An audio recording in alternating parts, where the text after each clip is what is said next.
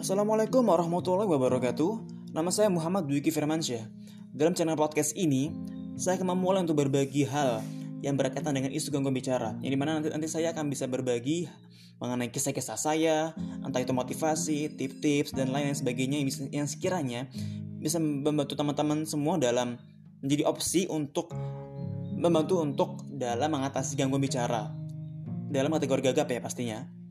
Ya, dan harapannya uh, saya nantinya bisa ber, ber, berbagi dengan lebih serius dan lebih intensif agar teman-teman bisa uh, mendapatkan opsi.